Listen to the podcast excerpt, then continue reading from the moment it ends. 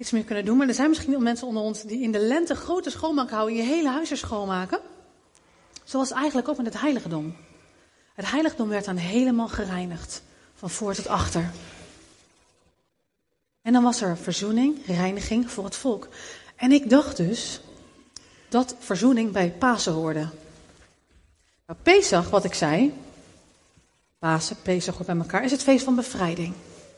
Met Pesach viert het volk, zoals ik zei, dat door het bloed van een lam de dood aan hen voorbij gaat. En dat ze bevrijd worden, gered worden uit de macht van de dood. En toen Jezus stierf, stierf hij als het Pesachlam. Hij stierf zodat de mensen vrijgekocht konden worden van de macht van de dood.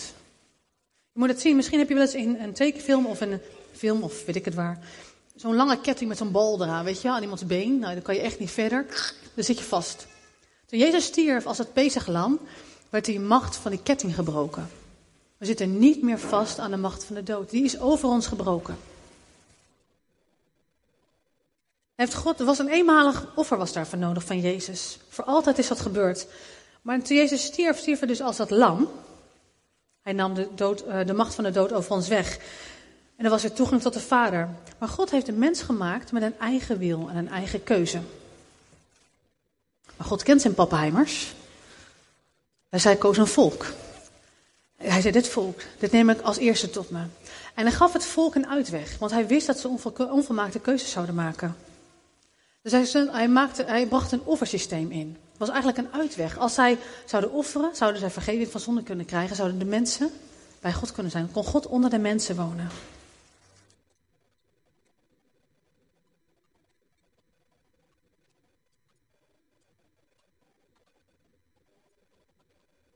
Toen Jezus stierf als het offerlam, was de macht over ons gebroken van de dood.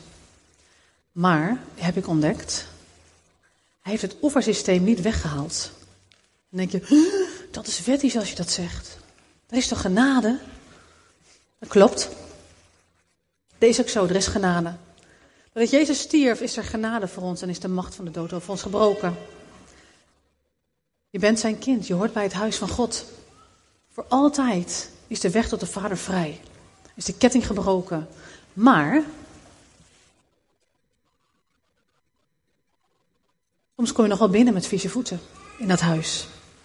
Als je bijvoorbeeld iets hebt gedaan wat niet helemaal kon. Of soms is je mond nog een beetje smoezelig omdat je dingen hebt gezegd die niet helemaal oké waren.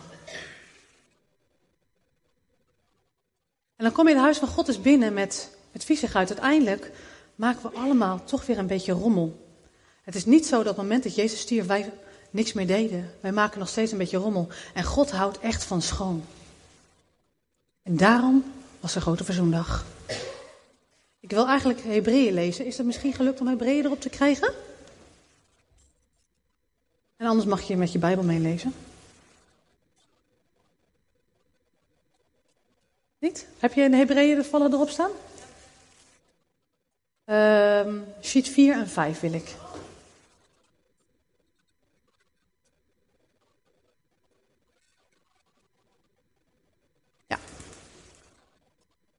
Uit Hebreeën 9 is dat. Christus daarentegen is aangetreden als hoge priester van al het goede dat ons is toebedacht. Hij is door een indrukwekkender en volmaakter tent, die niet door menshanden gemaakt is en niet behoort tot deze schepping, voor eens en altijd het hemels heiligdom binnengegaan. En dan niet met bloed van bokken en jonge stieren, maar met zijn eigen bloed. Zo heeft hij een eeuwige verlossing verworven. Want als het lichaam van wie onrein is al wordt gereinigd en geheiligd wanneer het besprenkeld wordt met het bloed van bokken en stieren, of bestrooid met de as van een jonge koe. Hoeveel te meer zal dan niet het bloed van Christus, die dankzij de eeuwige geest zichzelf heeft kunnen opdragen als offer zonder smet, ons geweten reinigen van de daden die tot de dood leiden. En het heilige voor de dienst aan de levende God. Zo is hij dan een bemiddelaar van het nieuwe verbond. En 6 en 7 mogen erachteraan. Ook Hebreeën 9 staat het, iets verderop. Volgens de wet wordt, vrijwel, wordt inderdaad vrijwel alles met bloed gereinigd.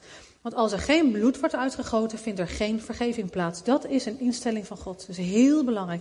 Zonder vergieten van bloed is er geen vergeving mogelijk. Als het dus noodzakelijk is dat de afbeeldingen van wat zich in de hemel bevindt, op die manier gereinigd worden, dan moet wat in de hemel zelf is met veel betere offergaven worden gereinigd. Christus is immers niet binnengegaan in het heiligdom dat door de mensenhanden is gemaakt. In de afbeelding van de hemelse heiligdom. Van die lange teksten soms, hè? maar lees er maar doorheen. Maar in de hemel zelf, waar hij nu bij God voor ons pleit. Hij brengt daar niet telkens opnieuw het offer van zijn leven. Hij is dus niet te vergelijken met de hoge priester die elk jaar het heiligdom binnengaat. En dat met bloed dat niet het zijne is. Want dan zou hij, zou hij sinds de grondvesting van de wereld telkens opnieuw hebben moeten lijden. Nee, hij heeft zich bij de voltooiing van de tijden eenmaal geopenbaard om met zijn offer de zonde te niet te doen. Het volk had een middelaar nodig om verzoening te brengen tussen God en hen. En om reiniging te ontvangen van al deze zonden.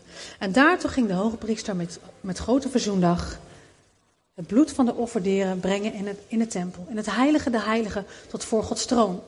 Maar toen Jezus kwam op aarde, werd hij niet alleen het offerlam van Pasen, niet alleen het Pesachlam, hij nam ook de plekking van die hoge priester.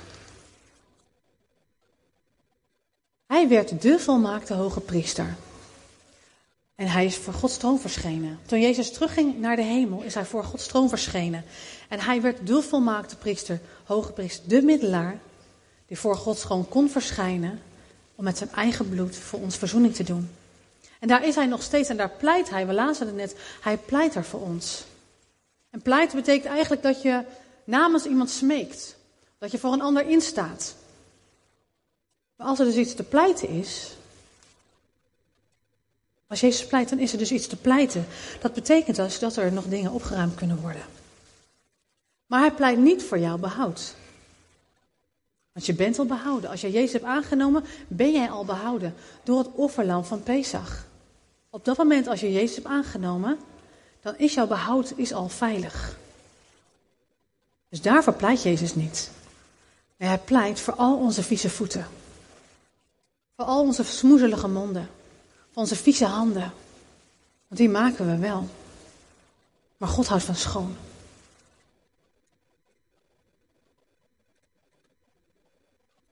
En tegelijk werd hij ook het andere geit, of het, geitenbokje. Dat voor God geofferd werd. Hij was het Pesachlam. Hij werd de hoge priester, dat is hij nog steeds. Maar hij gaf ook als het geitenbokje dat verzoening bracht tussen het volk en mensen, gaf hij zijn eigen leven.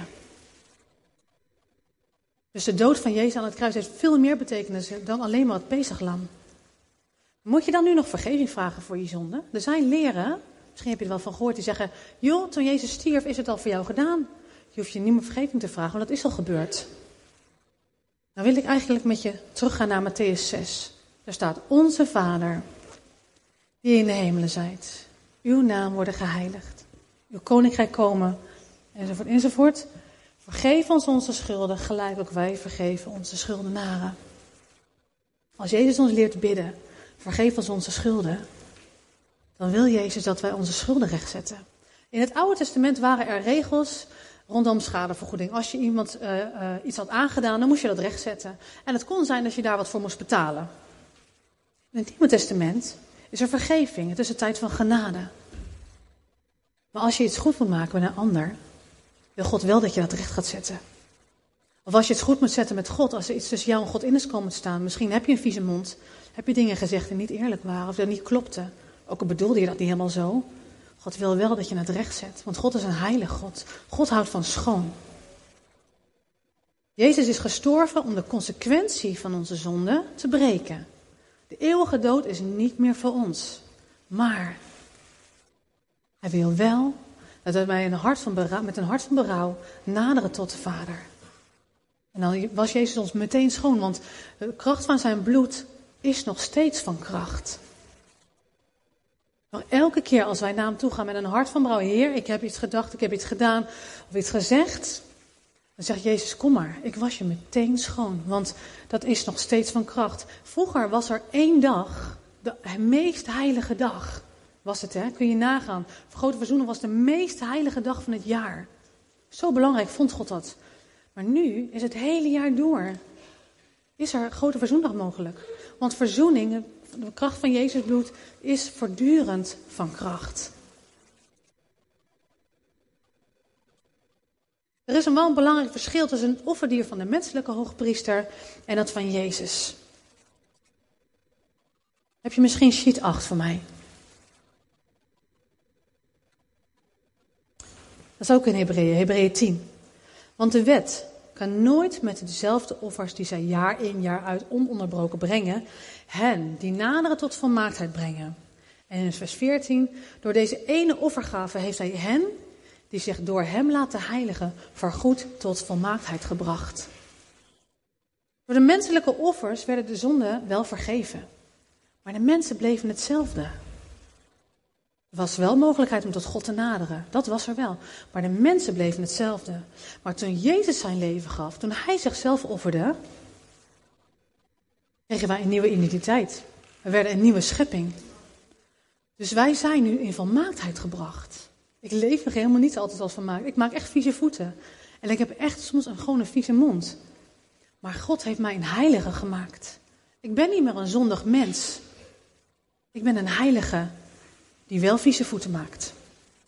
En daarvoor mogen we met berouw God naderen en wil Hij ons schoonwassen.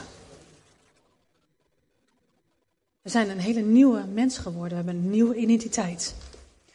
Verzoening betekent eigenlijk dat je in overeenstemming gebracht met God. En als je in overeenstemming gebracht wordt, dan is, was het eerst zo, maar is het nu zo. Eerst was je twee kleuren, maar nu heb je dezelfde kleur. Eerst was je twee bloedlijnen, maar nu hebben we dezelfde bloedlijn. Dezelfde bloedlijn door Jezus.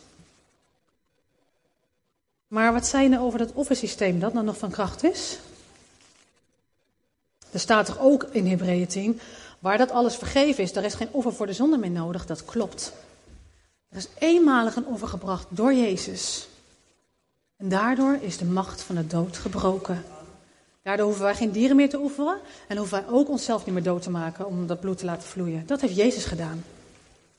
Maar, heb je misschien de volgende sheet van mij, sheet 9? Romeinen 12. Er staat, broeders en zusters, met een beroep op Gods barmhartigheid vraag ik u om uzelf als een levend, heilig en God welgevallig offer in zijn dienst te stellen. Want dat is de ware eredienst voor u. En 1 Petrus 2 staat, voeg u bij hem, bij de levende steen, die door de mensen werd afgekeurd, maar door God werd uitgekozen om zijn kostbaarheid. En laat u ook zelf als een levende steen gebruiken voor de bouw van een geestelijk tempel vorm een heilig priesterschap om geestelijke offers te brengen die God dankzij Jezus Christus welgevallig zijn. Jezus gaf zichzelf helemaal voor ons. Daar hoeven wij niks aan toe te voegen, dat kunnen wij niet eens. Maar als jij voor Jezus kiest, zeker, weet je zeker bij ons in het Westen, als we voor Jezus kiezen, kan het zijn van nou, uh, ik heb mijn werk, ik heb mijn gezin, uh, vrienden en zo. Ja, en ik geloof ook in God, ik ga ook naar de kerk. Dat is één van de dingen van je leven. Maar dat had Jezus niet. Hij zegt, ik geef mij voor jou. Helemaal. Helemaal. En God vraagt, wil jij je ook helemaal van mij geven? Want dan vallen al die dingen vallen onder hem. Weet je wel, en je werk, en je kinderen, en alles valt dan onder hem, weet je? Zoals hij zich gaf voor jou, vraagt hij, wil jij je ook voor mij geven? Helemaal. Dat betekent dat ik alles uit handen geef. Mijn dromen, mijn verlangens, mijn tijd, mijn geld.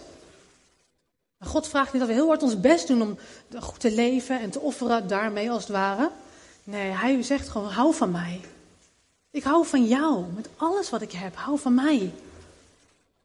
Hou van mij. De psalm zegt, de naam van God wil ik loven met een lied, zijn grootheid met een lofzang prijzen. Dat behaagt de Heer meer dan offerdieren, dan stieren met hun hoorns en hun hoeven. God wil ons hart. God houdt van ons.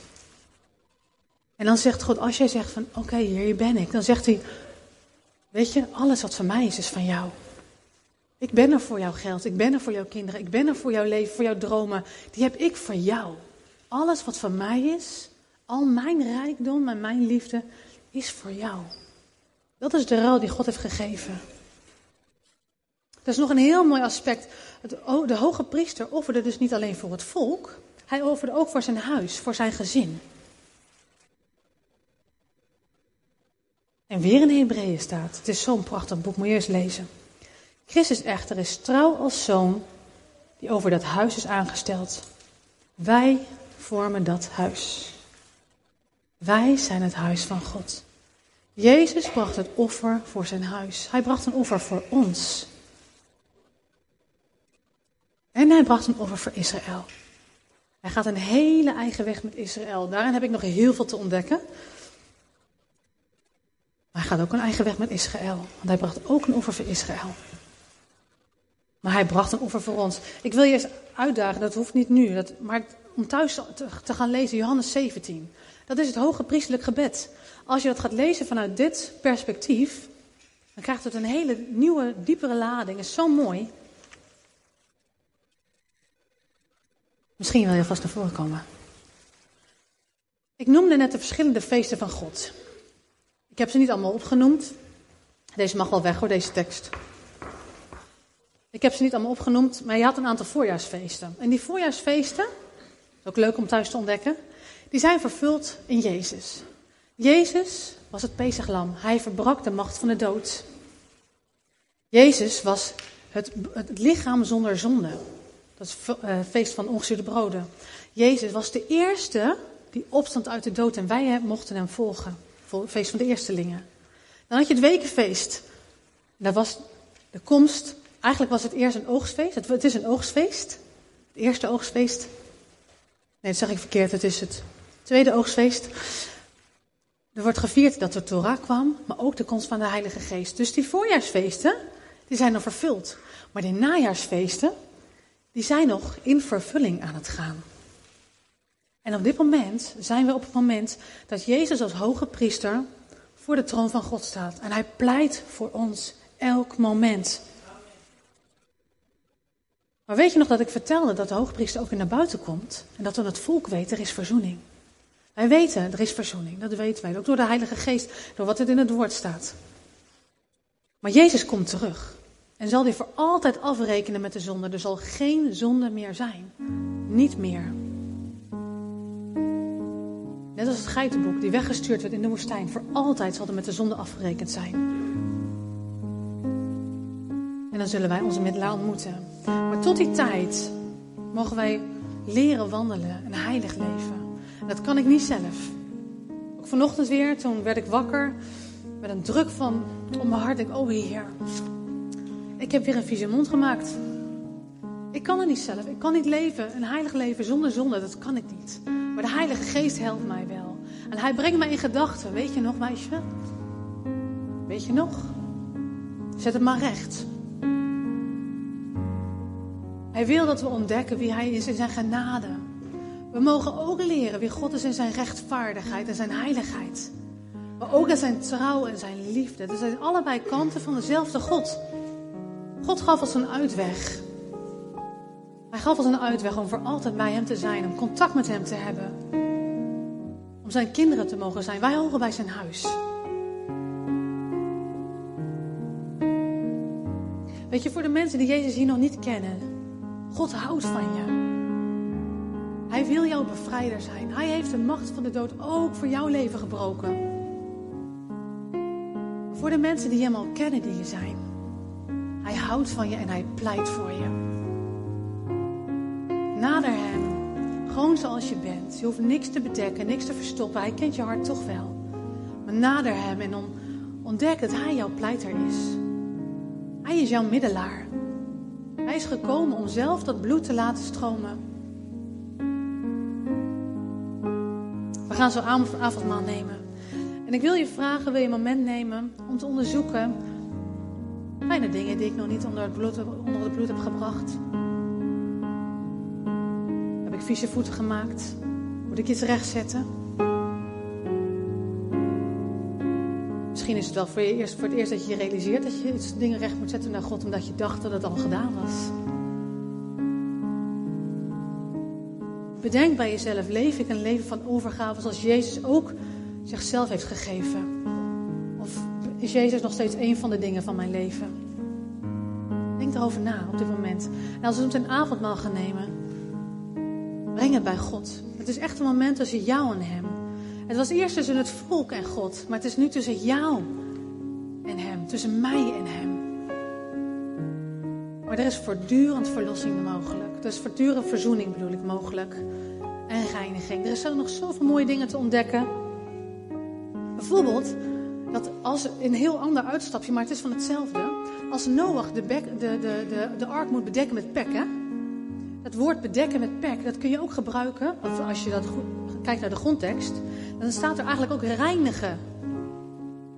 Het heeft ook een beschermende, beschermende lading, het bloed van Jezus. Het is zo mooi. Ik wil je echt uitdagen om het verder te onderzoeken. Maar van nu wil ik je vragen, onderzoek je eigen hart. Hoe sta jij ten opzichte van God? Maak aanspraak op Jezus als jouw pleiter, als jouw middelaar. En zometeen gaan we, komen naar voren om het avondmaal te nemen. Mag je naar je plek terug gaan en gewoon tussen jou en God daar zijn. En als we het avondmaal genomen hebben, dan gaan we nog een lofzanger zingen. Dan gaan we God groot maken, want het is tenslotte wel een feest. Hoe gek is dat, hè?